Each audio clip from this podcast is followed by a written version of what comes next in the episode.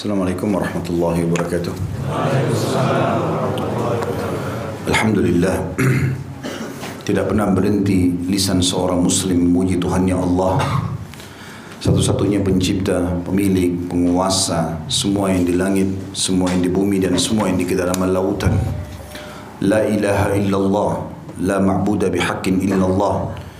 Tidak ada Tuhan yang berhak disembah kecuali Allah dengan memujinya Alhamdulillah Dia telah menjanjikan dengan janji yang benar Segala kebutuhan kita akan dipenuhi Dalam roda kehidupan di muka bumi ini. Maka selalulah menjadi orang yang memuji Allah. Selanjutnya kita panjatkan salawat dan taslim Kepada Nabi besar Muhammad Sallallahu alaihi wasallam Satu-satunya manusia yang telah Allah pilih Menutup risalah langit Tidak lagi Nabi dan Rasul setelahnya. Dan kita diperintahkan untuk menjadikannya sebagai suri tauladan dan siapa pun menjadikannya sebagai suri dan pasti akan sukses bersama dengan manusia terbaik ini. Karena dia telah berhasil menjadi suami yang terbaik, sahabat yang terbaik, guru yang terbaik, murid yang terbaik karena pernah belajar dari Jibril alaihissalam dan juga menjadi pakar ekonomi dan politik yang terbaik.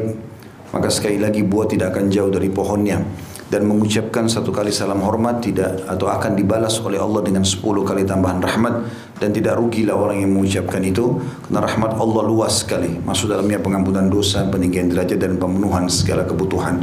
Maka jadilah orang selama memuji Allah Alhamdulillah selalu mengucapkan salawat dan taslim kepada Nabi besar Muhammad sallallahu alaihi wasallam. Lanjutkan pada buku kita Minhajul Muslim ditulis oleh Syekh Abu Bakar Jazair rahimahullah kita akan masuk ke materi keenam masalah ahlul bagi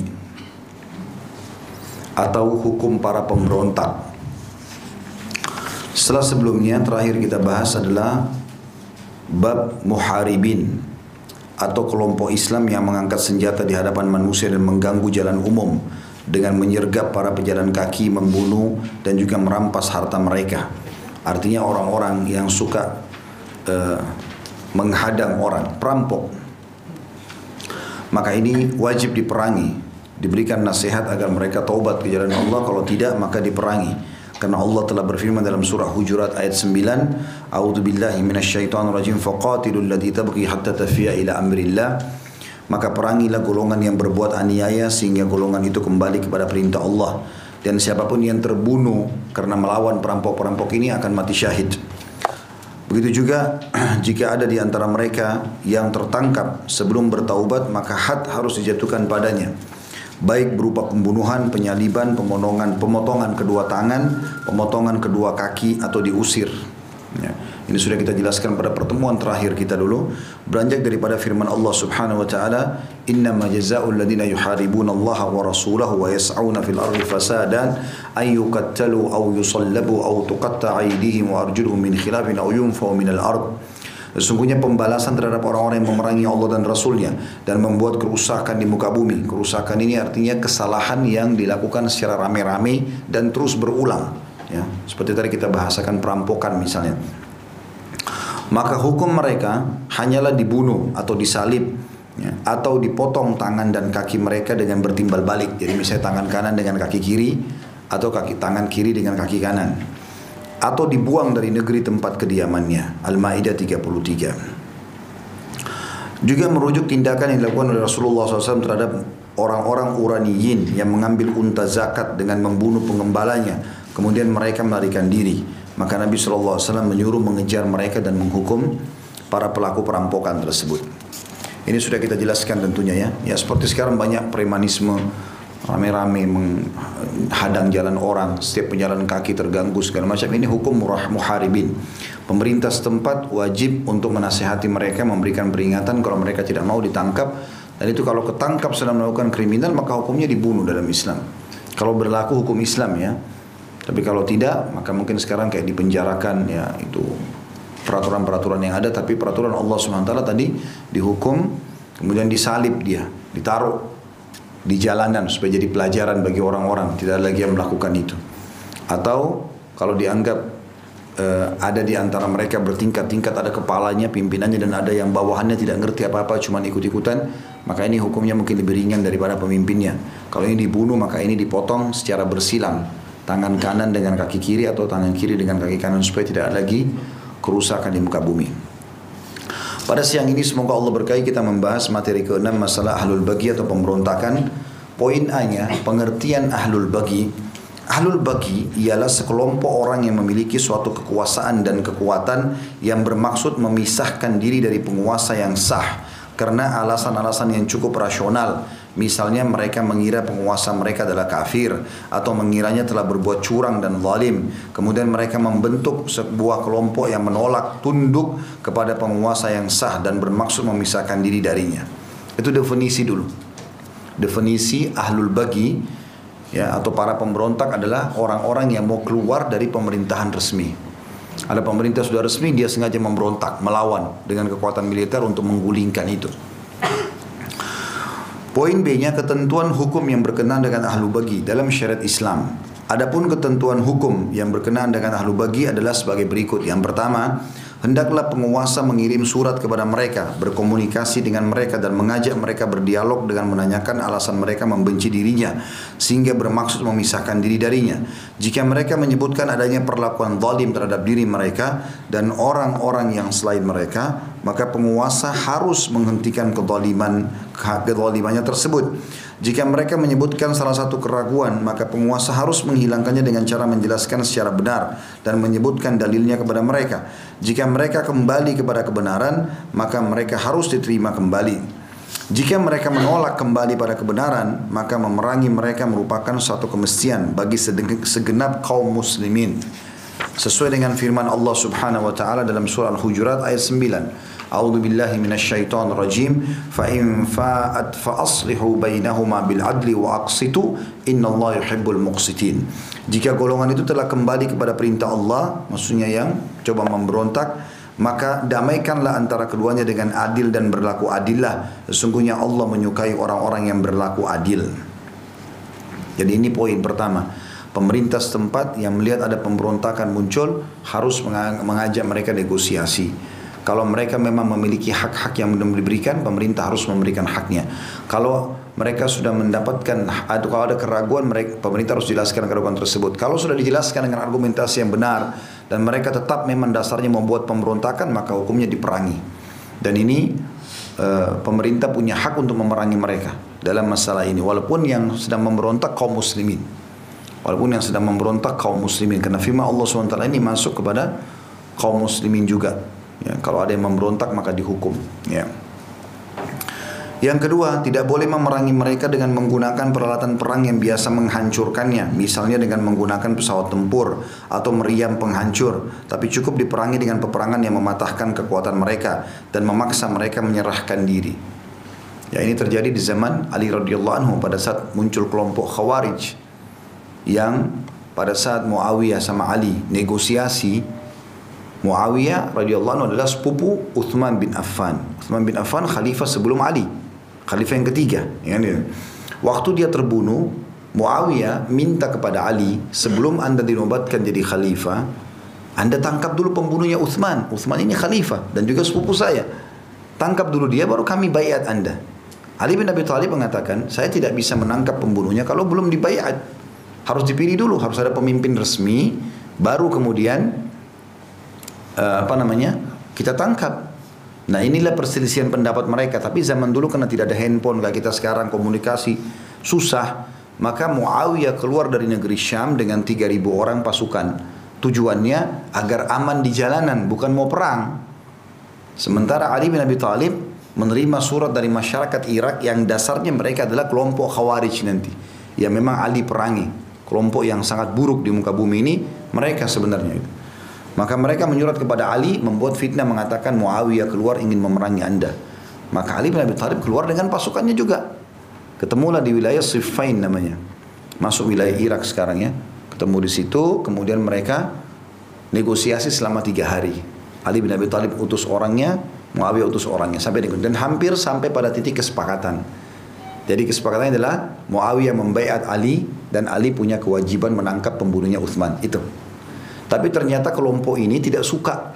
Mereka memang dasarnya maunya Ali sama Muawiyah perang. Maka di malam itu besok sudah mau pada bubar nih. Sebagian mereka masuk ke kelompok Ali, sebagian mereka masuk di kelompok Muawiyah. Lalu yang ini lempar panah api ke kemah sana, ini lempar panah api ke kemah sini.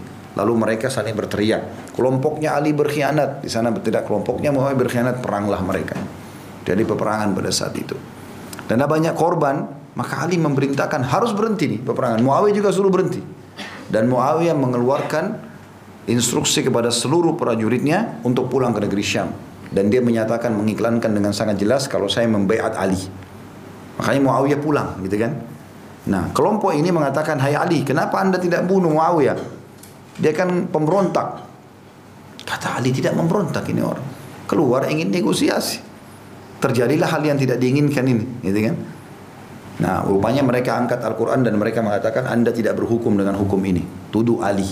Lalu mereka keluar dari pasukannya Ali, buat kerusakan. Siapa pun yang ditemui umat Islam pinggir jalan dibunuh.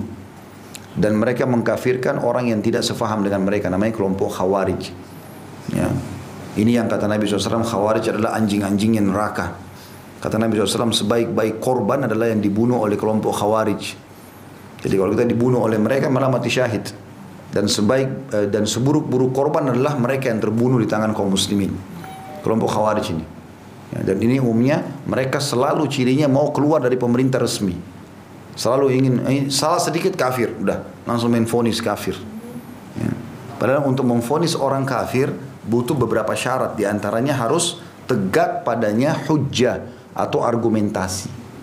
Kalau kita sudah datang kepada seseorang kita jelaskan ini yang kau lakukan salah nih. Ini murtad dalam Islam gini-gini. Udah dijelas sama dia tegak argumentasi dia tidak mau terima baru kita fonis dia. Gak boleh main fonis sembarangan. Tidak boleh main fonis sembarangan. Bahkan kalau ada orang tidak sholat depan mata kita nggak boleh langsung kita fonis dia kafir. Mungkin dia tidak tahu. Kita tidak tahu cara sholat itu. Sudah tahu enggak teman-teman ada umat Islam di Indonesia ini tidak tahu apa itu Alhamdulillah Rabbil Alamin. Al-Fatihah tidak tahu. Tidak tahu jumlah rakaat sholat itu berapa. Ada. Di wilayah-wilayah yang tidak terjangkau Islam, mereka tidak faham itu. Ya. Kami menjangkau beberapa wilayah-wilayah yang kita tidak sangka kalau itu wilayah Indonesia. Dan tidak sangka kalau ada umat Islam tidak faham masalah itu. Kita pikir mereka sudah tahu semuanya. Gitu kan. Ternyata banyak yang tidak mengerti agamanya. Ada beberapa dai di Mesir datang ke wilayah-wilayah perkampungan umat Islam Ditanya apa itu rukun Islam tidak tahu. Tanya rukun iman tidak tahu. Tanya siapa nabimu dia nggak tahu. Dia nggak bisa jawab. Enggak. Jadi banyak orang-orang harus tegak padanya argumentasi. Nah teman-teman sekalian, Ali bin Abi Thalib memerangi mereka dan Nabi SAW sudah mengatakan, Hai Ali kau akan bertemu dengan satu kelompok nanti yang kalau kau perangi, kalau kau temukan dalam pasukan mereka, Dhu Thadai. Dhu Thadai itu ada laki-laki pimpinan mereka tangan kanannya itu seperti maaf payudara wanita. Tulangnya lunak, dia cacat orang ini. Kata Nabi SAW, kalau kau temukan itu di pasukan musuh, ketahuilah kau dalam keadaan benar. Maka setelah Ali bin Abi Thalib mengalahkan mereka, jadi korban banyak, Ali suruh cari di pasukan. Di tengah-tengah pasukan musuh ada nggak orang itu? Ditemukan ada. Maka Ali bin Abi Thalib sama pasukannya bertakbir dan mengetahui inilah yang dia, dia katakan oleh Nabi SAW.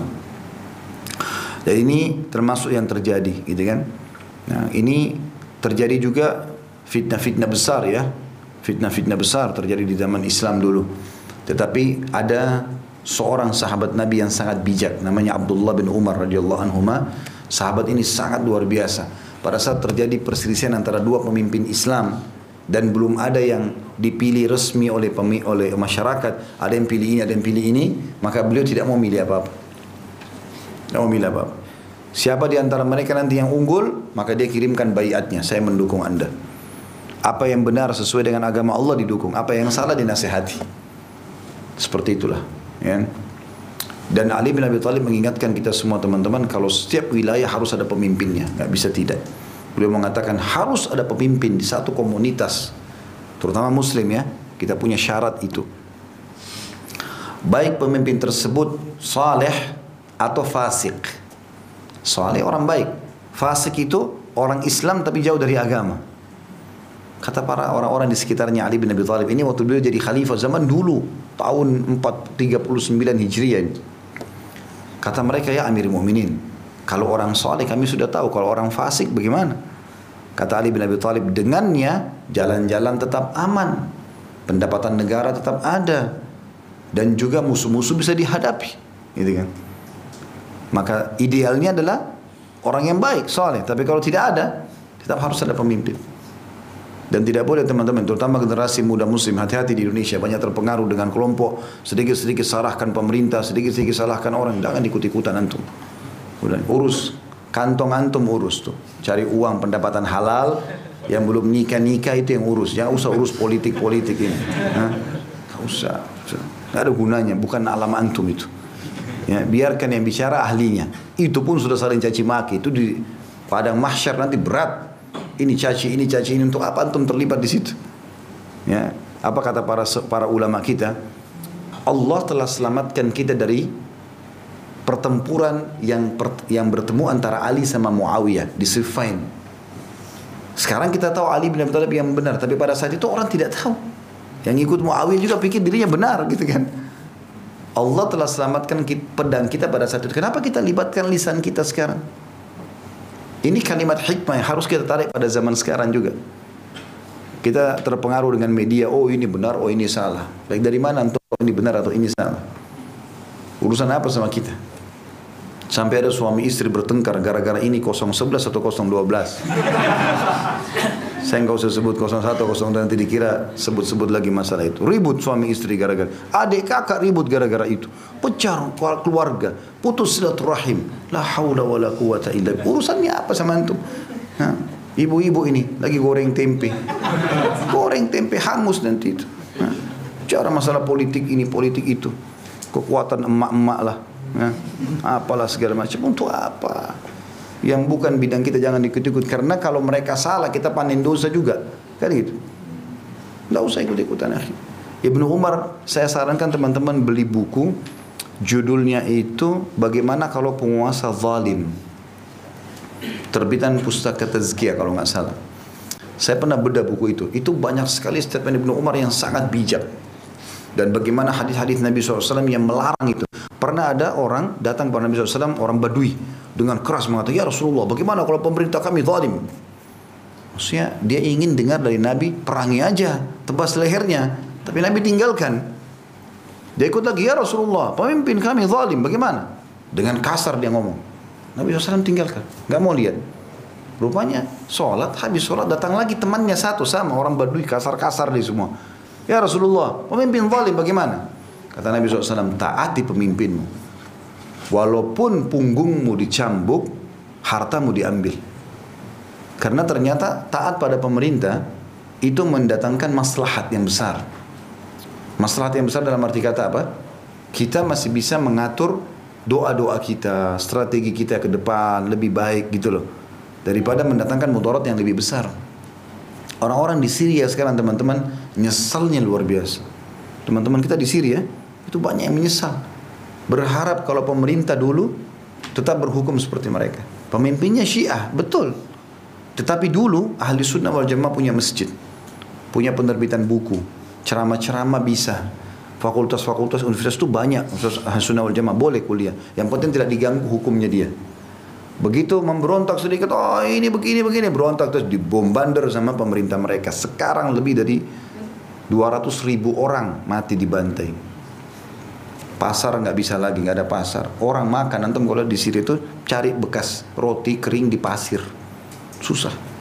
Nah ini tidak difahami ini gitu loh kadang-kadang. Anak-anak muda kita di Indonesia, oh semangatnya, enggak begini, begitu. Apa ikut-ikutan sana sini, nggak faham apa-apa.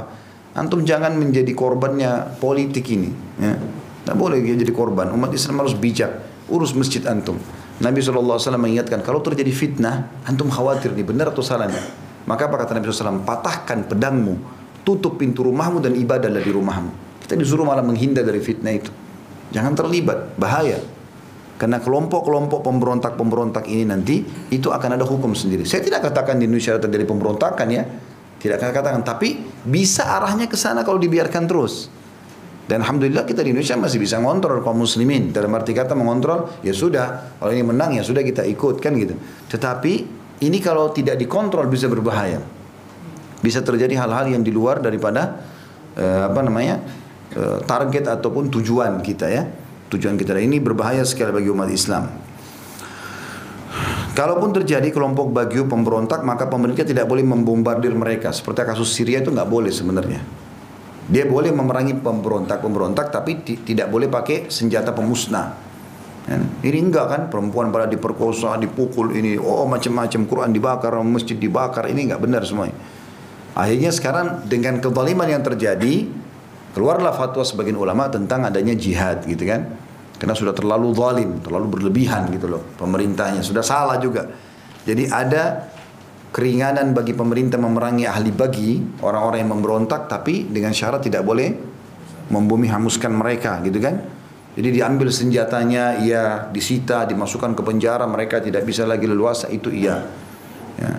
Tapi juga tidak boleh mereka berlebihan. Itu boleh keringanan tapi tidak boleh berlebihan. Kalau sudah berlebihan sampai pada tingkat sudah kezaliman yang terjadi, maka ini terjadi kebalikan hukum. Nanti masyarakatnya bisa mendapatkan hukum untuk menggulingkan itu, gitu kan? Apalagi kalau sudah sampai dilarang sholat.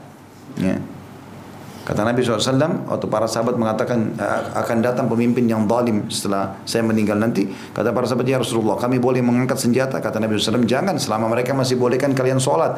Kalau sudah sampai pakai sampai tingkat masjid ditutup, tidak boleh sholat segala macam, akhirnya berubah hukum.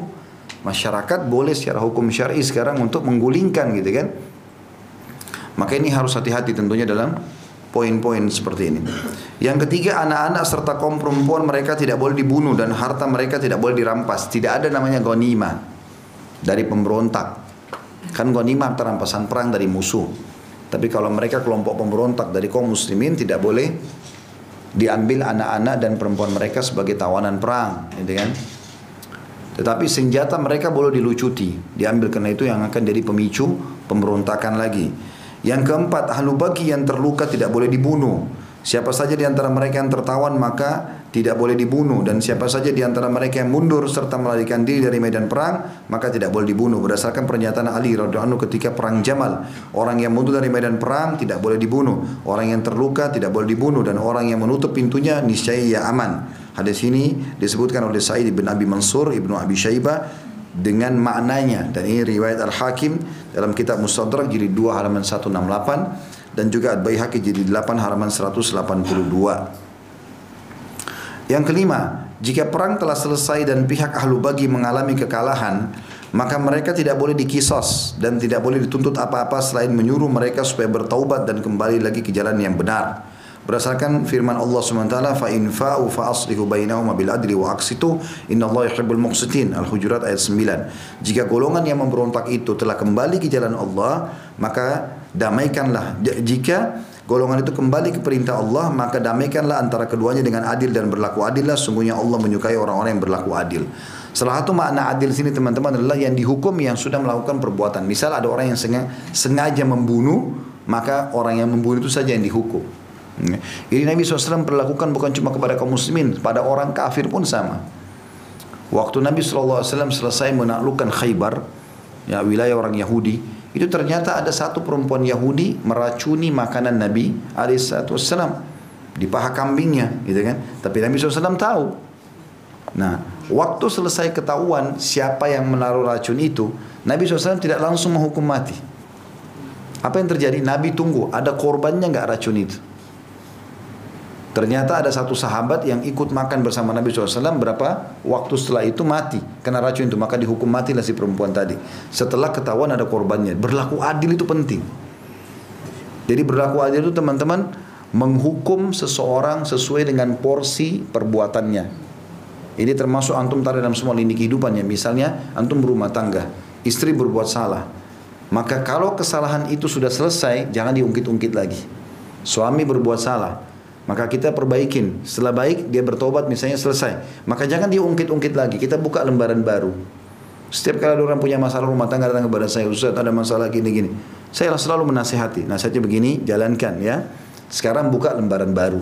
Karena kita menikah sama manusia, manusia punya ya kekurangan dan kelebihan. Kalau tidak mau punya masalah nikah sama boneka, kan?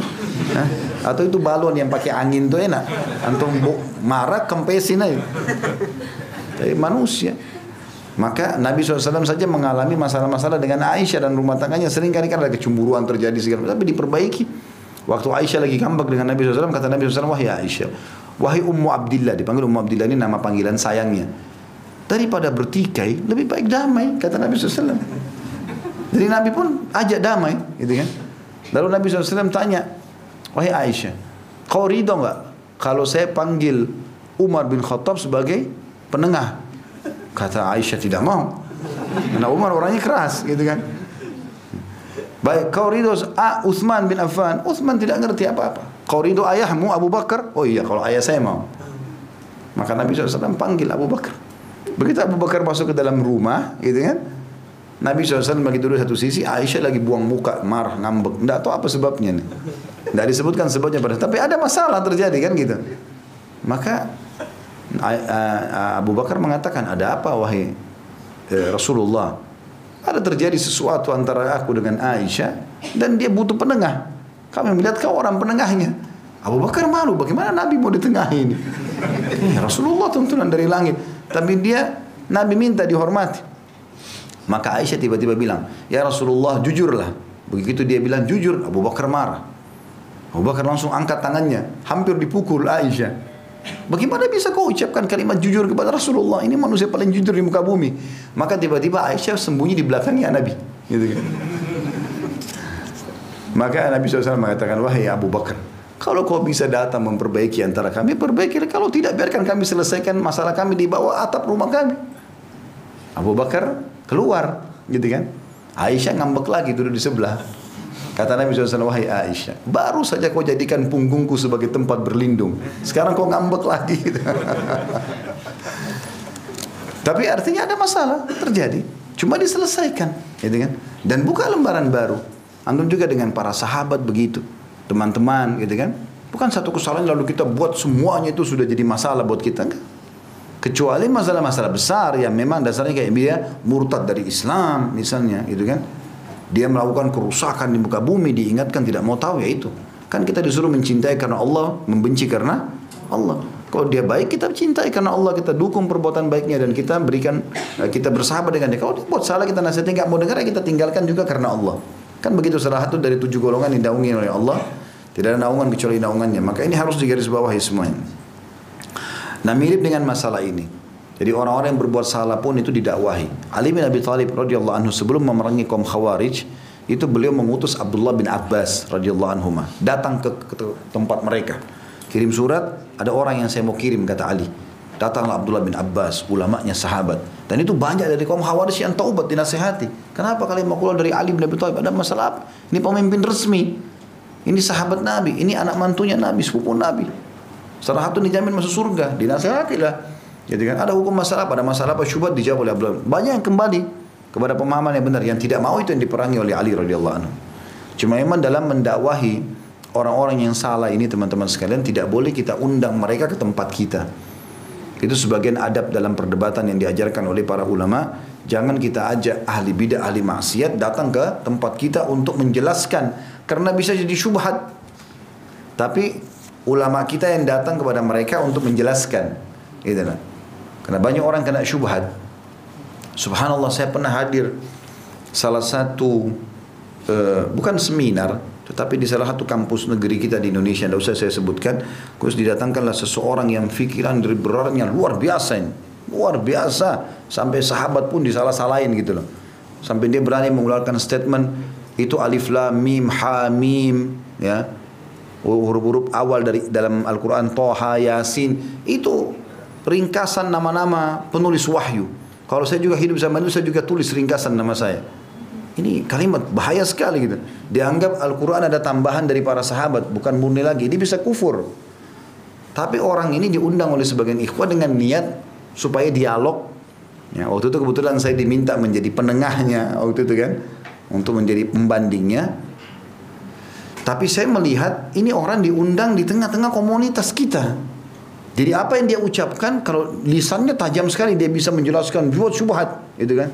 Masa begini saya tidak boleh, masa begini saya tidak boleh. Jadi ada orang-orang awam yang hadir terpengaruh. Jadi itu berbahaya. Tapi kalau orang yang faham di antara kita yang datang menjelaskan kepada mereka, justru keawaman mereka bisa terjawab. Ya, itu salah satu hikmah yang diambil daripada utusan Ali bin Abi Thalib atau diutusnya Abdullah bin Abbas radhiyallahu majma'in oleh Ali bin Abi Thalib kepada kaum Khawarij. Yang kelima, jika perang telah selesai ini sudah kita bahas tadi ya, maka tidak boleh ada kisos ya. Artinya sudah selesai, tinggal di kalau yang dianggap masih berbahaya maka dihukum, di penjara, di, diasingkan dari masyarakat supaya tidak tersebar kerusakannya. Catatan jika dua kelompok dari kalangan kaum muslimin terlibat peperangan di antara mereka karena fanatik golongan, harta atau jabatan tanpa alasan dibenarkan oleh agama, maka keduanya dianggap telah melakukan kezaliman dan masing-masing dari keduanya wajib mengganti kerusakan yang telah diperbuatnya, baik jiwa ataupun harta kelompok yang satunya. Ini sudah pernah kita bahas dalam kisos ya. Kalau orang bunuh orang lain, dendanya berapa? Masih ingat nggak? 100 ekor unta. Ya, 100 ekor unta. Jadi kalau misalnya ada terlanjur terjadi uh, perang antara kampung ini sama kampung ini, kan sering terjadi biasa begitu di Indonesia ya, perang misalnya. Ini muslim ini muslim. Ya. Kafir sama muslim pun sama hukumnya sebenarnya. Kalau tidak ada alasan syar'i, nggak ada alasan kenapa ini orang Islam menyerang ini, tidak ada juga alasan kenapa ini orang kafir menyerang ini, nggak ada alasan. Dan mereka di bawah satu naungan pemerintahan, maka di sini pemerintah wajib untuk menengahi mereka dan memberikan hak masing-masing. Siapa yang terbunuh di sini dibayar jiwanya, dendahnya, dianya dan siapa yang terdolimi maka diberikan haknya. Seperti itulah. Ya, dan ini harus diselesaikan, dikelirkan. Ya, kalau tidak ada udur syari, kalau ada udur syari berbeda. Itu berbeda gitu kan. Udur syari itu seperti misalnya memang dasarnya umat Islam terdolimi, akhirnya mereka melawan ya. Tidak mungkin mereka biarkan terjadi pembantaian misalnya itu berbeda kasusnya. Baik itu materi tentang masalah pemberontakan ya. Kita masuk materi ketujuh penjelasan tentang orang-orang yang dibunuh karena had. Dalam Islam ada orang yang boleh dibunuh tapi alasan syar'i namanya had. Jawab uh, jamaknya hudud. Seperti orang yang membunuh dipenggal kan gitu. Orang yang murtad dari agama kalau ada pemerintah resmi, orang yang berzina kepergok tapi sudah menikah. Namanya muhsan, hukum muhsan itu kan dirajam. Kan hukuman hukuman mati semua itu ya. Kita jelaskan satu persatu tentang masalah orang-orang yang dibunuh secara syar'i ya dengan cara atau karena had, karena pelanggaran tadi. Yang pertama adalah poin orang murtad. Angka satu di poin A, masalah pengertian orang murtad. Orang murtad adalah orang yang meninggalkan agama Islam dan pindah ke agama yang lain seperti agama Nasrani atau agama Yahudi atau pindah kepada keyakinan lain yang bukan agama seperti orang-orang ateis dan komunis. Semua ini dilakukannya dalam keadaan sadar dan atas kehendak sendiri, bukan karena paksaan. Itu dianggap murtad, ya. Dan ini tidak boleh dalam Islam terjadi semestinya. Ya. Insya Allah kalau dia sedikit saja mencintai agama ini walaupun masih banyak hukum syarat yang dia tinggalkan dia tidak akan murtad. Nah, dia tidak akan murtad. Orang murtad ini betul-betul lemah sekali. Kalau Islam ini subhanallah cahaya kata ulama. Dia kalau masuk dalam hati walaupun cuma sedikit saja dia baru keyakinan sedikit saja sudah cukup menerangi hatinya. Dan itu membuat untuk mengeluarkan cahaya itu tidak gampang. Tidak mudah gitu loh. Tidak mungkin orang tiba-tiba main murtad kecuali betul-betul hatinya kosong nggak ada cahaya Islam Cuma KTP-nya saja muslim itu mungkin. Ya, makanya ada hukum tersendiri. Ya. Yang kedua, poin dua di, di poin A ini ya, hukum orang murtad. Orang murtad harus diajak kembali kepada Islam selama tiga hari yang dilakukan secara serius. Jika ia kembali, eh, ia kembali lagi kepada agama Islam dalam jangka waktu tersebut, maka ia tidak dikenai sanksi apa pun. Tapi jika tidak mau kembali lagi kepada agama Islam, maka dibunuh dengan pedang sebagai had Hal tersebut berdasarkan sabda Rasulullah SAW, Man baddala dina faktulu.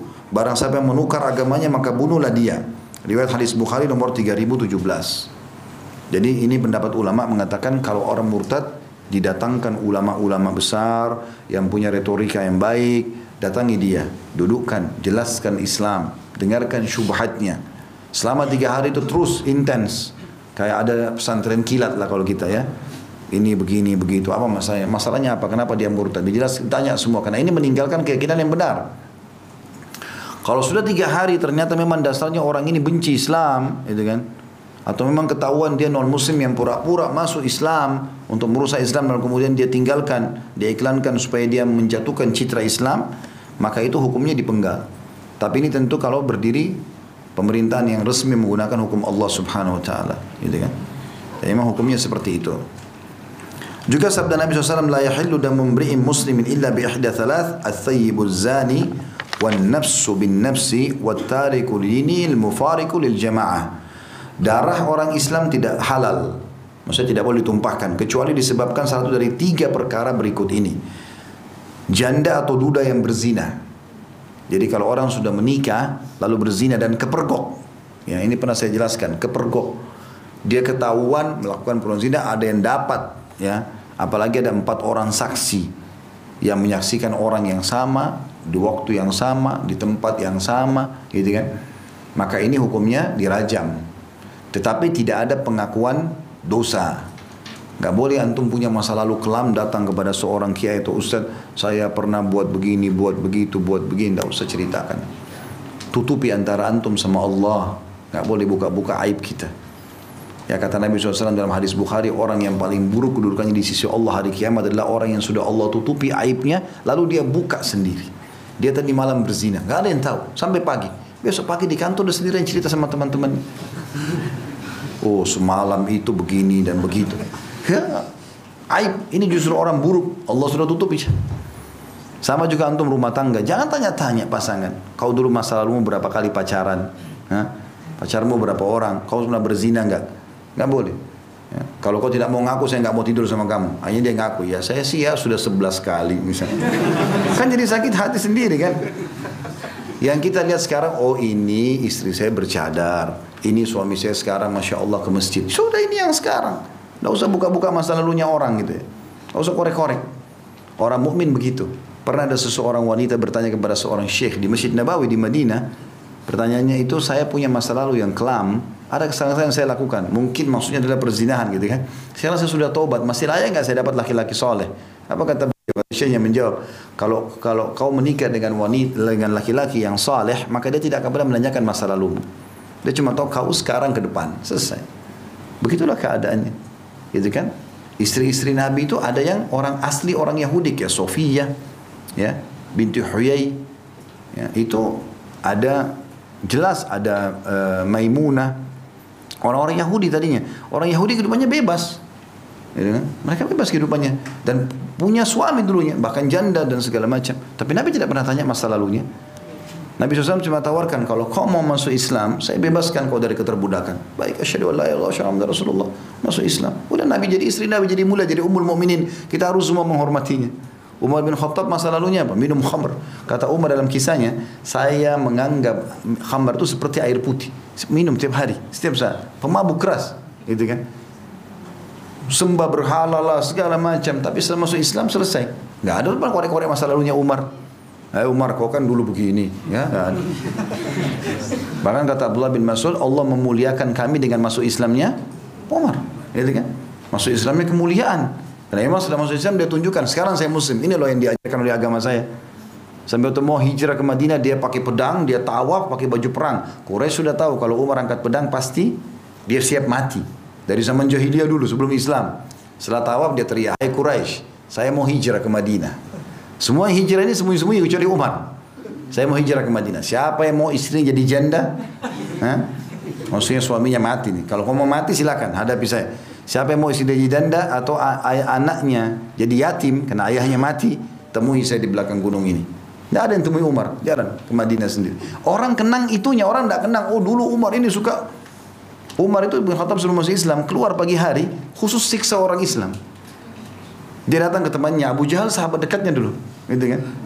Jadi kalau Abu Jahal lagi sisa budaknya, Umar datang, ikut juga partisipasi. Dan kalau sudah malam, Umar bilang, saya tinggalkan kau. Ini orang Islam dibilang sama dia, saya tinggalkan kamu bukan karena saya kesian, saya cuma bosan saja. Besok saya kembali. Umar kembali lagi besok siksa orang. Makanya waktu Ummu Abdullah, salah satu keluarganya Umar, mau mau hijrah ke Ethiopia, pintu gerbang Mekah cuma satu. Nggak ada tempat lain. Keluar masuk Makkah dari situ. Pintu Bani Syaibah namanya zaman itu. Yang jaga malam itu Umar. Umar ini paling keras umat Islam. Jadi orang keluar dari siang sudah keluar semua umat Islam sudah lari. Kecuali satu Muabdillah. Dia gendong anaknya masih kecil. Dia tahu pintu dijaga Umar. Dia naik gunung ini perempuan. Naik gunung, turun gunung. Jauh sekali. Turun gunung Umar di bawah. Umar tanya, tahu ini Umar Abdillah, satu suku sama dia, suku Adi. Hai Umar Abdillah, ada apa kok naik-naik gunung? Dia bilang kalian tidak membiarkan kami. Kami dalam di Mekah kami mau nyembah Allah nggak boleh. Kami mau keluar pun kalian larang. Umar bingung ini, kenapa agama apa ini gitu loh. Kok sampai perempuan aja berani begini gitu loh. Dan dia tahu Muabdillah ini orang wanita yang sangat lembut, baik. Dia tahu sukunya dia. Maka dia bilang semoga keselamatan bersama pergilah. Waktu Umar Abdullah datang ke tempat yang sudah janjian sama umat Islam di tengah-tengah lembah tersembunyi. Oh mereka alhamdulillah bersyukur kau selamat. Ada yang lihat kau? Tidak ada kecuali Umar. Kata mereka orang Islam waktu itu, Umar musibah ini. Kata dia tidak, kata Abdullah. Bahkan Umar mendoakan saya supaya saya selamat. Ya, ada satu orang bilang, ini dalam buku sirah ya. Mudah-mudahan Umar Abdullah kau jadi penyebab hidayahnya Umar. Ada satu orang yang letuk bilang, Umar masuk Islam, tunggu unta masuk ke lubang jarum. Karena mustahil bagi mereka. Enggak mungkin gitu loh. Tapi subhanallah setelah masuk Islam orang nggak kenang itunya, orang kenang kebaikannya sekarang. Harus begitu. Bijaksana, ya, adil. Harus adil teman-teman. Kalau tidak kita nggak bisa hidup. Kita mau temui orang yang nggak pernah buat salah, mustahil. Nggak mungkin. Hari ini dia buat salah, besok kita. Kita nggak tahu. Kecuali dia tidak mau tinggalkan kesalahannya itu berbeda. Ya, Allahu alam. Ini. Kemudian ini kalau pezina. Kemudian yang kedua adalah orang yang membunuh jiwa Ya, kalau dia bunuh secara sengaja, setelah ditelusuri dari pemerintah tempat memang sengaja dia pukul kepalanya kah, dia tusuk perutnya kah, dia kasih racun kah, memang dia sengaja lakukan bukan karena e, didesak, ditekan, ya. Ada orang kan diambil anaknya, kau harus bunuh orang itu kalau tidak anakmu saya bunuh, misal itu lain kasusnya. Tapi kalau dia sengaja memang mau membunuh orang ini karena pertengkaran saja maka itu hukumnya dikisos, dipenggal juga. Dan yang ketiga adalah ini bahasan kita orang yang meninggal meninggalkan agama dan keluar dari jamaah kaum muslimin. Hadis riwayat Bukhari nomor 6878 Imam Muslim 1676.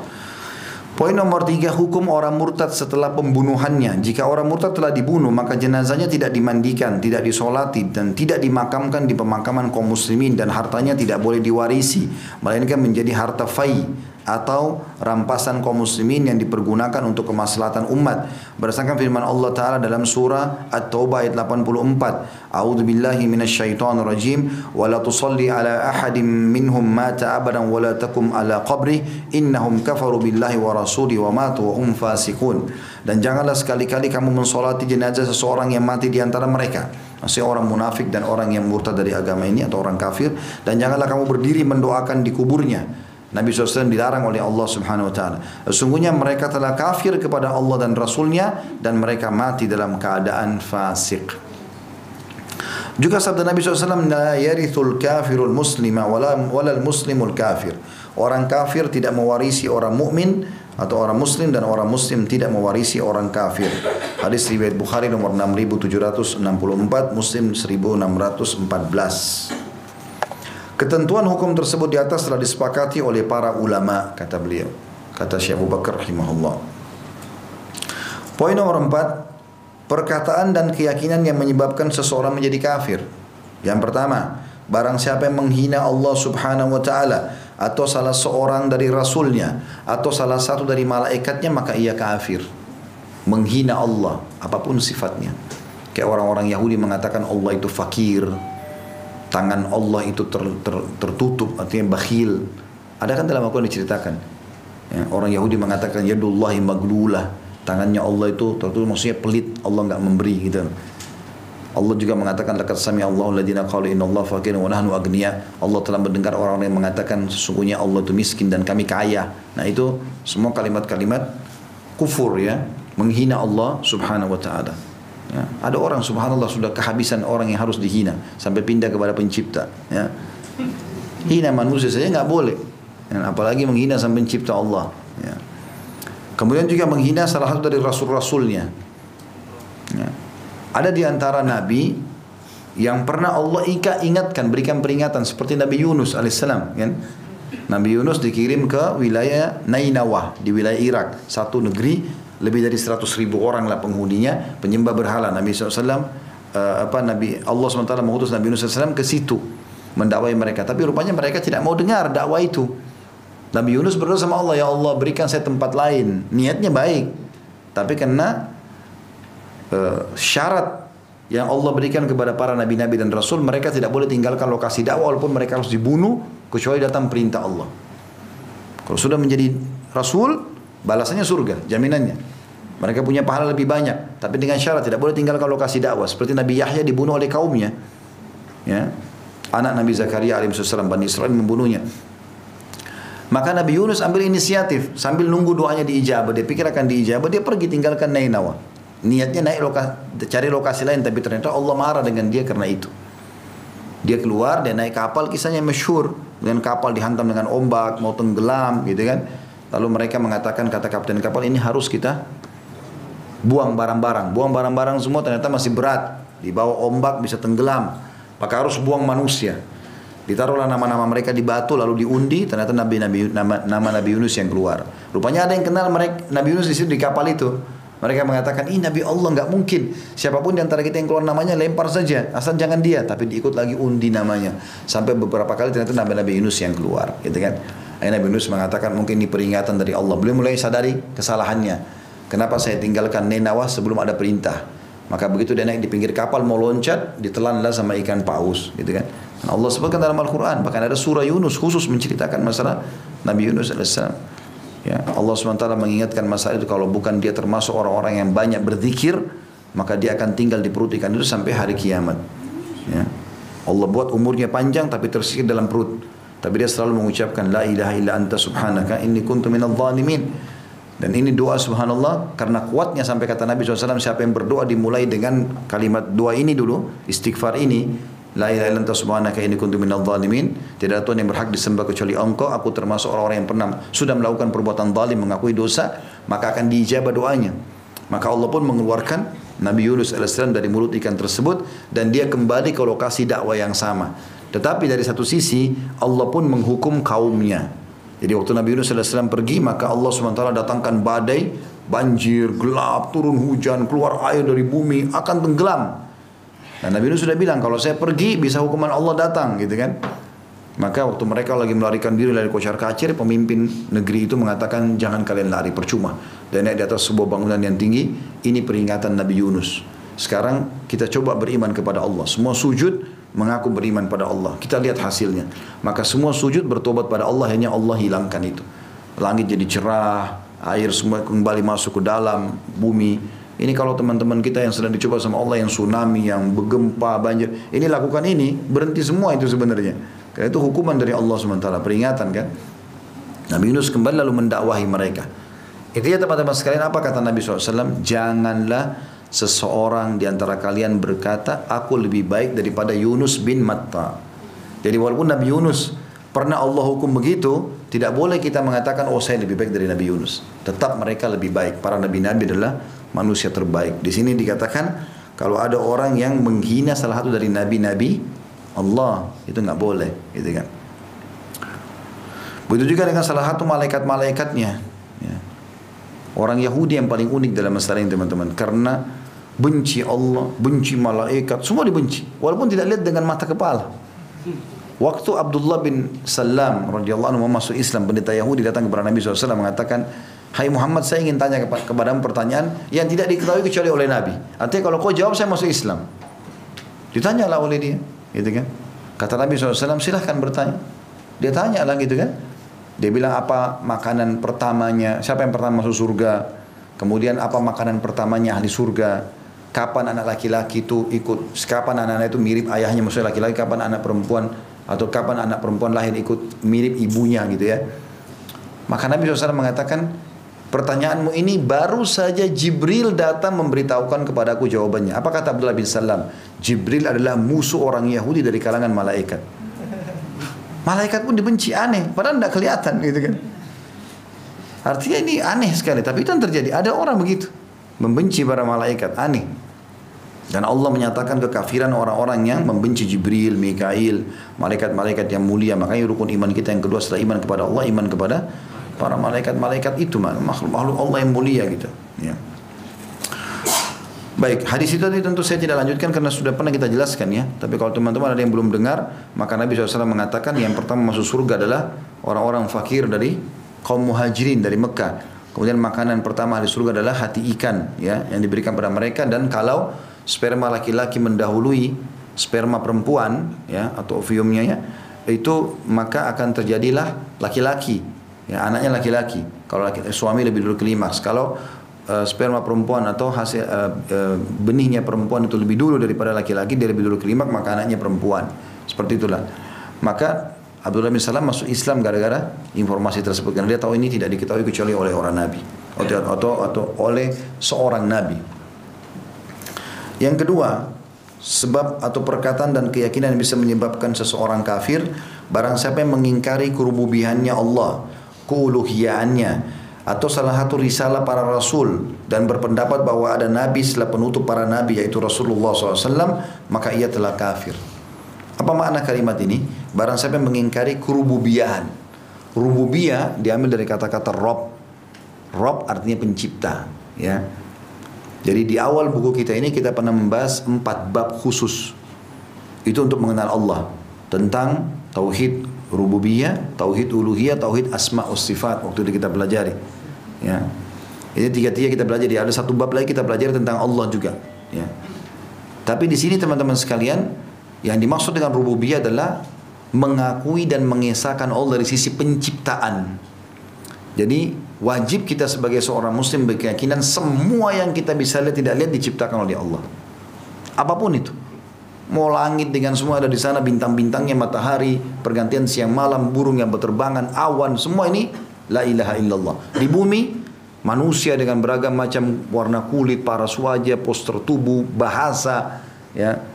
Hewan-hewan dari semut, serangga-serangga sampai gajah semuanya la ilaha illallah. Semua tumbuh-tumbuhan dari kecil sampai besar yang berbuah sayur-sayuran yang di dalam tanah yang di atas semua ini la ilaha illallah. Batu-batu, air, api, udara la ilaha illallah. Semuanya kalimatnya itu jelas.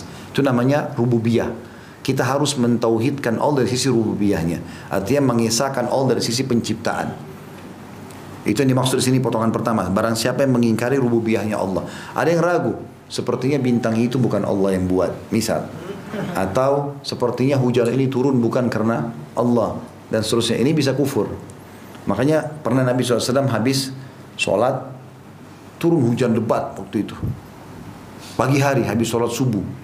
Nabi SAW mengatakan habis salam. Habis zikir Nabi bilang kepada para sahabat. Allah berfirman. Telah tiba pagi hari. Ini hamba-hambaku beriman padaku kufur kepada bintang-bintang dan ada yang kufur kepada aku beriman pada bintang-bintang. Para sahabat penasaran bagaimana itu ya Rasulullah. Kata Nabi SAW, siapa yang mengatakan hujan ini turun karena Allah, dia telah beriman kepada Allah dan kufur kepada bintang-bintang. Dan siapa yang mengatakan hujan ini turun karena bintang ini atau bintang itu, dia telah beriman kepada bintang dan kufur kepada Allah. Tidak ada yang terjadi di muka bumi ini kecuali dengan izin Allah SWT. Semua cuma sebab-sebab saja. Sebab-sebab. Ya. Sebab ini supaya ada apa ya hiasannya kehidupan ini. Antum ada orang ditabrak mati. Kan ada ceritanya kan, oh orang itu ditabrak. Dasarnya ajalnya datang. Kan nikahnya begitu. Mau dia ditabrak, mau dia diranjang, detik itu dia harus mati. Ajal kalau datang kan gitu. Tapi ada nanti kemasannya oh ini ceritanya. Tapi semua ini dengan kehendak Allah Subhanahu wa taala. Nah, kita kalau mengisahkan Allah dari sisi rububiyah penciptaan, kita akan meyakini semua ini tidak akan terjadi kecuali dengan izin Allah SWT itu semua dengan kemaha adilannya kemaha adilannya Allah SWT lebih mengetahui kenapa diciptakan semua ini kenapa ini berkulit hitam kenapa ini kulit putih kenapa ini pendek kenapa ini tinggi kenapa ada semut kenapa ini segala macam. Itu hikmah Allah SWT tugas kita mempelajari untuk mengenal Allah Subhanahu Wa Taala. Ini dikatakan ya poin dua barang siapa yang mengingkari kerububiannya Allah. Keuluhiyannya keuluhiyan ini ini juga sudah kita pelajari. Kita harus mentauhidkan Allah dari sisi uluhiyah atau sesembahan, sembahan. Sembah ibadah. Ya, salat, puasa, segala macam kita harus esakan Allah. Tak boleh syirik. Tak boleh parankan Allah dengan makhluk. Ada orang begitu di Indonesia, salat, Allahu Akbar, Al-Fatihah, Iyyaka na'budu wa iyyaka nasta'in. Hanya kepadamu ya Allah kami menyembah. Hanya kepadamu kami minta tolong. Itu makna iyyaka na'budu wa iyyaka nasta'in. Salam pergi kuburan sebelah masjid, minta-minta. Wahai Syekh fulan, Kiai fulan kasih saya. Mana komitmenmu tadi? Katanya iya kanak budu wa iya nasta'in. Kan gitu. Coba cari riwayat teman-teman. Ada nggak sahabat yang pernah minta di kuburan Nabi? Ini sering saya ingatkan ya. Nabi SAW itu setelah meninggal beliau pun itu masih Aisyah masih hidup. Radhiyallahu 30 tahun. Lebih. Aisyah itu masih hidup sampai zaman Ali bin Abi Thalib, sampai zaman Muawiyah bin Abi Sufyan. Sampai tahun 40-an sekian. Jadi 30 tahun lebih Nabi meninggal. Nabi meninggal tahun 11, masih hidup. Ini ranjangnya Aisyah, ini kuburannya Nabi. Sebelah. Satu ruangan. Tidak pernah Aisyah buka rumahnya, ayo ambil tanahnya Nabi, berkah. ayo minta di sini. Tidak pernah. Sahabat ada yang mengucapkan salam lewat depan rumah Nabi Assalamualaikum ya Rasulullah. Baca salawat pergi. Selesai. Kalau Nabi saja nggak dilakukan, kenapa kita lakukan pada orang lain? Siapa lebih mulia daripada Nabi SAW? Tapi kadang-kadang orang nggak mau faham. Nanti kalau diingatkan, oh ini garis keras, oh ini wahabi, wah ini, ini. Aduh, la haula wa la quwata illa billah. Diingatkan supaya jangan salah, ya akhi. Tapi kalau nggak mau dengar, silahkan. Buat saja. Berarti sudah disampaikan. Jangan nyesal hari kiamat ya. Karena emang ini contoh banyak, gitu kan? Itu Abu Bakar, itu syuhada Uhud, syuhada Badr, orang-orang mulia Nabi jamin surga. Tidak pernah ada sahabat datang ambil tanahnya, tidak pernah mereka datang minta-minta sudah tidak pernah sama sekali. Sampai diceritakan waktu di zaman Muawiyah bin Abi Sufyan, itu pernah ada saluran air, ada mata air ditemukan. Itu untuk disalurkan ke penduduk kota Madinah harus lewat kuburan syuhada Uhud. Maka mereka tanya, sahabat diskusi, gimana nih? Kita buat gali nggak di kuburan nih? Pindahin nggak? Syuhada Uhud atau kita biarin aja? Berarti mata air situ. Mereka belum temukan jalur lain untuk bawa ke Madinah. Keluar fatwa para sahabat boleh nggak apa-apa. Muawiyah juga sebagai pemimpin boleh. Digali lah.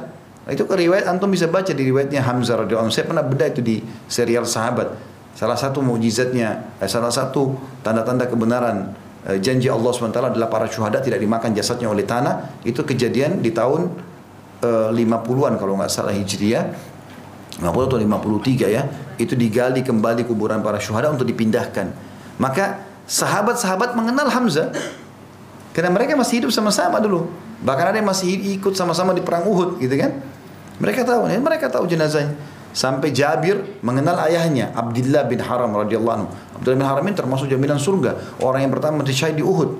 Anaknya Jabir bin Abdullah yang banyak meriwayatkan hadis.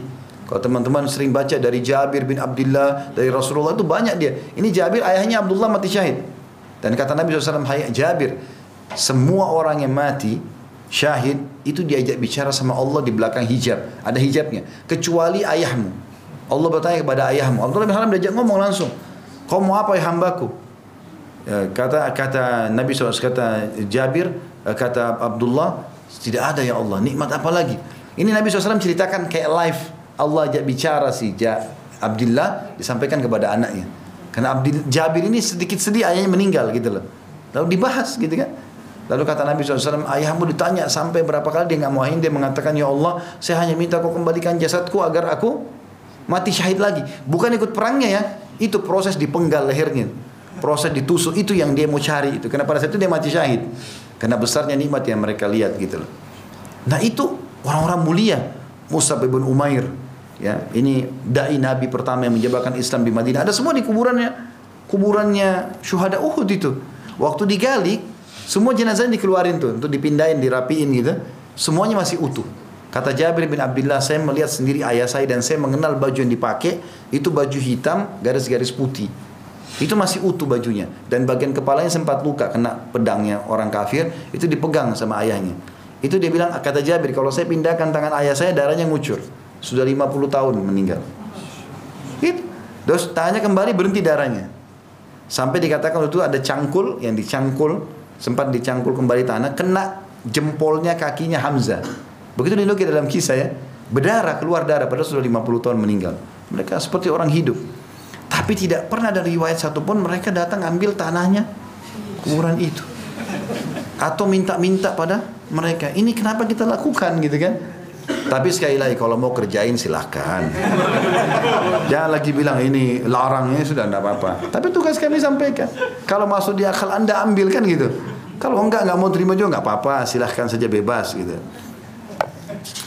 Jadi seperti itulah kurang lebih. Jadi itu namanya uluhiyah, sesembahan ya. Jadi kita menyembah Allah Subhanahu wa taala. Artinya kita betul-betul hanya minta tunduk takut kepada Allah. Qul inna salati wa nusuki wa mahyaya wa mamati apa? Lillahi rabbil alamin. Semua hidupku, matiku, maksudnya semua prosesi yang saya lalui dalam kehidupan. Semua yang terjadi kematian dan sesudahnya. Semua ibadahku, sembelihanku hanya untuk Allah semata. Allah perintahin kita kerjakan. Tidak diperintahin ya sudah jangan. Sudah selesai. Agama sudah sempurna. Gak boleh ditambah, gak boleh dikurangi. Seperti itulah. Kemudian selanjutnya atau salah satu risalah mengingkari satu risalah Rasul. Kalau tadi kan menghina di poin pertama ya. Kalau ini lebih tinggi lagi mengingkari, misalnya orang mengatakan Isa bukan nabi, nggak boleh. Walaupun dia muslim dia kafir. Salah satu rukun iman kita, rukun iman yang keempat setelah iman kepada Allah, iman kepada malaikat, iman kepada kitab-kitab, iman kepada rasul-rasul. Ya? Semua kita harus yakini. Kalau ada orang Islam yang mengatakan Isa bukan nabi, kafir. Nggak boleh. Musa bukan nabi, kafir. Makanya kita mengklaim mereka kafir. Kenapa? Karena mereka menolak isyarat Nabi Muhammad SAW. Mereka aku Yahudi bilang iya, Musa Nabi. Tapi Isa bukan. Muhammad bukan. Gitu kan? Makanya terjadi peperangan besar antara Nasrani sama Yahudi sebelum Nabi Muhammad SAW datang. Saling mengkafirkan. Karena ini menolak risalah Nabi setelahnya, ini ini meyakini ada Nabi setelah itu. Gitu kan? Begitu juga yang terjadi pada kita. Maka tidak boleh ada keraguan sama sekali dengan risalah satupun dari atau tidak boleh mengingkari risalah nabi-nabi. Tetapi syariat yang diterapkan adalah syariat nabi dan rasul terakhir. Nabi Muhammad alaihi wassalam. Dan ingat agama yang Allah turunkan hanya satu Islam saja. Nggak ada agama baru. Nggak ada tuh agama Yahudi Nasrani itu nggak ada. Bukan agama itu. Yang ada Islam. Karena Allah bilang inna dina inda Allah Islam. Di sisi Allah agama itu hanya Islam. Jadi semua nabi-nabi muslim. Semua nabi-nabi muslim. Cuma beda di syariat, hukum-hukum. Ada yang hukum ini diterapkan di zaman Nabi ini, nanti dihapus di zaman Nabi setelahnya. Ada yang dibolehkan di sini, di sini dilarang. Ada di sini dilarang, di sini dibolehkan. Seperti itulah. Itu dijelaskan dalam Al-Quran ya kan. Sampai Allah SWT memanggil ahli kitab. Telah datang kepada kalian Rasul. Yang telah mengangkat belenggu-belenggu dari kalian. Karena di zaman risalah Nabi Musa, Nabi Isa ada yang berat. Tapi dalam risalah Al-Quran diringankan. Diringankan. Orang-orang Yahudi dulu itu kalau bajunya kena najis, nggak boleh lagi dipakai, dipotong, dibuang. Risalah kita, Imam SAW dicuci, selesai kan? Begitu. Orang dulu kalau mau taubat bunuh diri. Kita sekarang tinggal taubat nasuha. Ya, dalam surah Al-Baqarah kan begitu. Faktulu anfusakum Nabi Musa bilang waktu mereka buat dosa, kami mau taubat. Kata Nabi Musa, faktulu anfusakum, bunuh diri kalian. Begitu cara taubatnya, maka ringan lebih ringan gitu kan. Nah, syariat itu berbeda. Makanya kata Nabi SAW, Perumpamaan aku dengan nabi-nabi sebelumku seperti satu bangunan yang sangat indah. Orang-orang kelilingi, orang semua kagum. Cuma tinggalan satu satu satu batu bata saja.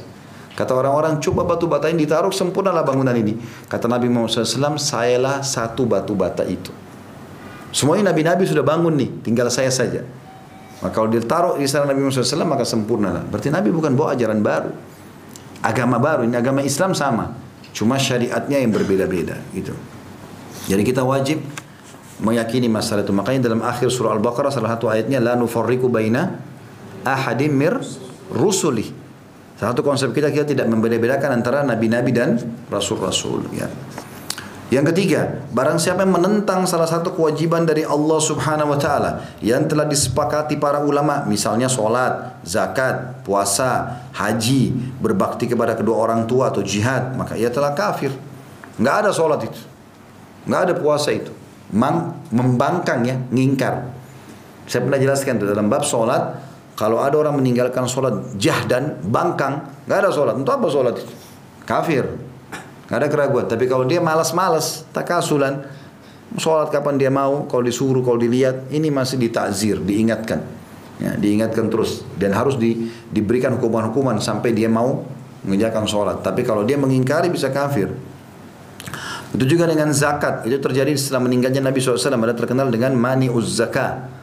Jadi ada orang-orang Arab yang masuk Islam dulu zaman Nabi SAW. Mereka zakatnya di store ke Madinah. Nabi yang alokasikan kan gitu. Setelah Nabi meninggal mereka bilang apa? Nabi Muhammad SAW sudah meninggal, maka nggak ada zakat lagi. Apa yang terjadi? Abu Bakar bentuk pasukan, perangi langsung. Umar saja yang tegas sampai sempat berkata kepada Abu Bakar, "Mengapa Abu Bakar, kenapa kau tidak kirimkan aja dai ke mereka?" Kata Abu Bakar, "Saya akan mem, saya akan memerangi siapa pun yang membeda, membedakan antara sholat sama zakat." Gak bisa kalau mereka nolak zakat sama dengan menolak sholat, maka hukumnya diperangi, gitu kan? Sampai dalam riwayat lain kata Abu Bakar anu saya akan memerangi orang-orang yang menolak membayar zakat yang pernah mereka bayar ke zaman Nabi SAW walaupun cuma tali ikatannya kambing atau domba saja gitu kan. Begitu juga dengan yang lain, haji, puasa Ramadan, bakti sama orang tua ini sudah ma'ruf hukum-hukum Islam. Kalau ada yang pungkiri maka dia bisa kafir. Yang keempat, barang siapa yang menghalalkan sesuatu yang haram seperti zina, meminum khamar, mencuri dan membunuh jiwa atau sihir, niscaya dia telah kafir. Allah haramkan zina dibilang tidak apa-apa, boleh. Allah haramkan khamar, boleh. Allah ini mencuri, tidak boleh mencuri, boleh. Bunuh jiwa, boleh semua. Sihir-sihir, boleh. Maka ini kafir, nggak boleh. Dia kalau tobat harus syahadat lagi. Karena dia menghalalkan apa yang sudah Allah haramkan, mutlak. Nggak boleh ada toleransi masalah itu. Tidak boleh ada toleransi masalah itu. Ya karena ini uh, apa namanya datang zaman kata Nabi SAW dan kita khawatirkan itu zaman kita ya akan datang zaman nanti di mana akan dihalalkan khamar dan zina dan mereka menggantinya dengan selain namanya. Kan sekarang kalau orang zina namanya apa? Hiburan. Ini diganti hiburan malam, diskotik lah, karaoke lah, ujung-ujungnya zina. Orang satu kamar berdua sama lawan jenis, dia dengan penampilan yang menor lalu remang-remang, terus ndak zina. Ini omong kosong, nggak mungkin kan itu. Nabi SAW nggak mungkin salah. Tidak akan duduk dua orang laki-laki dan perempuan kecuali yang ketiganya syaitan dan syaitan pasti menjerumuskan. Tidak mungkin salah. Penyampaian Nabi SAW itu luar biasa, tepat sekali. Makanya kita disuruh jauhi, gitu kan? Nggak boleh sama sekali. Begitu juga dengan masalah khamar, mereka ganti namanya. Kan alkoholnya cuma sekian persen. Khamar, akhi dan ukhti. Karena kata Nabi SAW yang kalau dikonsumsi banyak memabukkan sedikitnya haram. Kalau minum alkohol segentong mabuk nggak? Mabuk berarti tetesnya Haram. Karena kalau banyak memabukkan, selesai. Lagian kenapa kalau nggak minum khamar Ada susu, ada madu, ada sirup, banyak yang lain halal. Untuk apa? Gitu kan? Itu contoh, tapi banyak orang begitu. Sama juga dengan membunuh jiwa atau sihir. Ini bahaya sekali sihir ini. Karena penyihir di Indonesia subur sekali. Luar biasa suburnya. Ini musuh-musuh Allah semua ini penyihir-penyihir ini. Iya. Menjauhkan orang dari agama Islam. Ya. Ini bahaya dan ini umat Islam yang banyak buat. Jadi khadam pembantu-pembantunya syaitan, gitu kan. Apalagi kalau sudah dekat dengan masa-masa pemilihan, ya. Banyak yang beli keris, banyak yang beli batu, banyak yang beli ini khurafat, ya akhi dan ukhti. Pertunjukkan kualitas kita, sujud di malam hari minta sama Allah. Allah itu malikal mulk, raja yang sebenarnya. Allah bilang yu'ti mulkahu man yasha' Ya, dia memberikan kerajaan siapa yang dia inginkan. Wa yanzi'ul mulka mimman yasha. Dia juga menarik kerajaan dari siapa pun yang dia inginkan. Allah bisa berikan. Kenapa minta kepada dukun-dukun yang mereka itu dasarnya tidak tahu apa yang sedang mereka lakukan. Mereka menyembah syaitan. Dan syaitan itu dibawa manusia, musuh manusia dan dibawa manusia. Ya, tidak boleh sama sekali tunduk kepada mereka. Tapi selalu digambarkan dalam film-film, dalam sinetron ini kalau mentok dukun mentok dukun dan sering dibuat mbah-mbah dukun ini lucu-lucu supaya orang mau tertarik melakukan la haula wala quwata illa billah siapa yang mendatangi dukun peramal penyamun penyihir bertanya saja belum percaya nggak diterima sholatnya 40 hari siapa yang datangi dukun peramal penyamun penyihir bertanya dan percaya kufur kepada apa yang diturunkan kepada Muhammad sallallahu alaihi tidak boleh penyihir itu adalah pembantunya syaitan saya pernah kasih kerangka fikir dan ini jadikan sebagai pegangan hidup teman-teman. Di muka bumi cuma dua jalan, gak ada jalan yang ketiga. Antum tentukan. Jalan yang pertama jalan benar, yang kedua jalan salah. Jalan yang benar adalah jalannya Allah. Allah SWT yang kita yakini sebagai Tuhan la ilaha illallah. Juru bicaranya para nabi-nabi dan rasul. Penyambung lidah nabi dan rasul para ulama dan dai. Antum hadir di majelis mereka, dipandu ke jalan Allah, ujungnya surga. Kena jelaskan, ini halal, ini haram, buat gini ya Bapak Ibu, jangan buat gini ya, ini dalilnya, dijelaskan. Jalan ini jalan benar. Jalan yang salah jalan iblis, nggak ada jalan yang kedua. Iblis ini juru bicaranya dukun, peramal, penyamun, penyihir, ahli maksiat. Antum ke majlisnya mereka dipandu ke jalan iblis, ujungnya neraka. Dia tidak perlu semua. Lalu bagaimana Ustaz supaya saya bisa disuka sama pasangan saya atau saya bisa menikah sama fulan, berdoa, bersedekah, ada caranya. Cari orang miskin bersedekah, ya Allah saya sedekah bertawasul dengan sedekah ini supaya si fulana mau nikah sama saya. Boleh. Tawasul dengan amal saleh. Bawa foto ke dukun, bayar mereka. Apa ini? Khurafat semua, gitu kan. Tidak benar.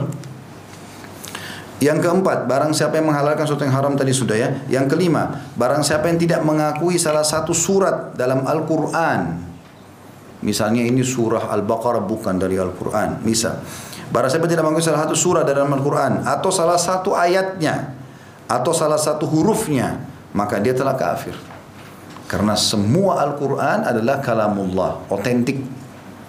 Allah mengatakan, Inna nazzalna dzikra wa inna lahu lahafidun. Kami turunkan Al-Quran sebagai peringatan atau kami turunkan Al-Quran dan kami akan menjaganya. Ya. Jadi tidak boleh kita ragu. Jangan bilang alif lam mim kayaknya alif bukan Al-Quran tuh. Lam mim saja, nggak boleh. Lagi ilmu kita nggak sampai ke situ. Ya. Banyak manusia kadang-kadang subhanallah aneh gitu. Allah sudah berikan perumpamaan dari segala macam mm, perumpamaan tapi tidak tidak berbekas pada mereka. Itu Allah sebutkan dalam surah Al-Kahfi yang selalu setiap Jumat kita disuruh baca. Ya, Allah berikan perumpamaan dalam Al-Quran dengan segala macam, tapi manusia ini banyak sekali bantahannya. Kenapa begini, kenapa begitu. Ya. Jadi Al-Quran harus diyakini otentik dari Allah Subhanahu Taala. Kalau salah satu hurufnya saya diragukan, maka atau tidak diakui maksudnya di sini ya, maka dia kafir. Yang keenam, barang siapa mengingkari salah satu sifat Allah seperti menolak sifat Allah Maha Hidup, Maha Mengetahui, Maha Mendengar, Maha Melihat, Maha Penyayang, maka ia telah kafir. Jadi ini sifat-sifat Allah yang masyhur. Yang ketujuh, barang siapa melecehkan salah satu kewajiban agama atau sunnah-sunnahnya atau melemparkan Al-Quran ke kotoran atau menginjaknya dengan kakinya dengan maksud menghinanya maka dia telah kafir. Nah ini subhanallah sering kali dukun-dukun begitu. Untuk menambah ilmunya syaitan ingin menyesatkan dia. Saya pernah lihat cuplikan beberapa penyihir yang ditangkap di Saudi jadi mereka punya kelompok khusus dari pemerintah Saudi itu menangkap para penyihir-penyihir itu ditangkap. Jadi mereka masukkan lembaran-lembaran Al-Quran dalam kloset, ditaruh di kotoran-kotoran hewan. Iya, untuk menghina Al-Quran supaya mereka tambah ilmu sihirnya. Ya, wa Ini semua bahaya sekali. Atau ada orang juga saya ingat waktu saya masih kecil dulu di salah satu acara sekolah waktu masih kecil. Kan saya masih SD atau SMP waktu itu Terus malam-malam dikumpul sama kakak-kakak seniornya. Saya juga waktu itu masih kecil, belum faham gitu. Terus dipeganglah Al-Quran, lalu kemudian ditunjukkan kalau ini apa ini? Ini Al-Quran. Kalian bela, ayo coba yang bela. Terus ditaruh Al-Quran di bawah dengan alasan ingin menunjukkan nih supaya kalian bela Al-Quran ditunjukkan supaya emosinya kepancing tapi ini kan tidak boleh taruh Al-Quran di tanah dihinakan gitu kan ada yang berdiri ditendang dengan alasan siapa yang berani yang mau bela Al-Quran untuk membangkitkan tapi ini tidak boleh ya karena ini sama menghina Al-Quran. Tidak perlu kita pakai contoh itu. Al-Quran subhanallah berbicara menjadi hujah dengan sendirinya. Kita tidak usah repot-repot teman-teman untuk mengorek-ngorek, mendatangkan segala macam hal. Al-Quran itu berbicara sendiri. Kita kalau datang ayat Quran kita baca terjemahannya, itu kita akan ber, dia bicara dengan hati kita sendiri, akan berikan petunjuk. Jadi tidak ada masalah dengan itu semestinya. Ya. Baik kita lanjutkan mudah-mudahan Allah saya akan baca dulu sampai Poin nomor 7 tadi ya. Poin nomor 8, barang siapa yang meyakini bahwa hari kebangkitan itu tidak ada atau tidak ada siksa di neraka jahanam atau tidak ada kenikmatan pada hari kiamat atau siksa dan nikmat itu hanya maknawi saja maka ia telah kafir.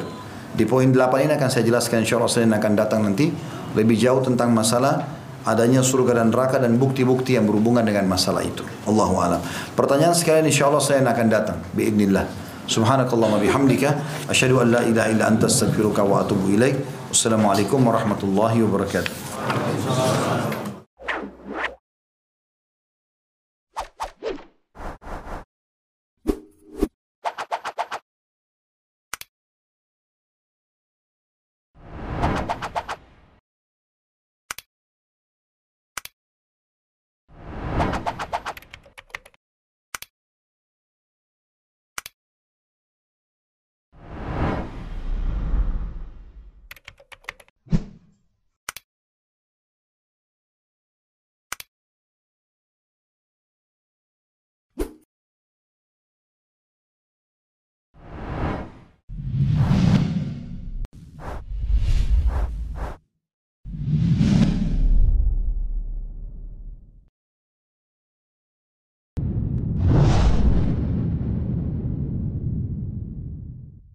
Assalamualaikum. Untuk pemesanan paket umroh murah Bisa menghubungi 0821 4196 0857 Kami ulangi sekali lagi Untuk pemesanan paket umroh murah Bisa menghubungi 0821 4196 0857 Sekali lagi 0821 4196 0857. Terima kasih.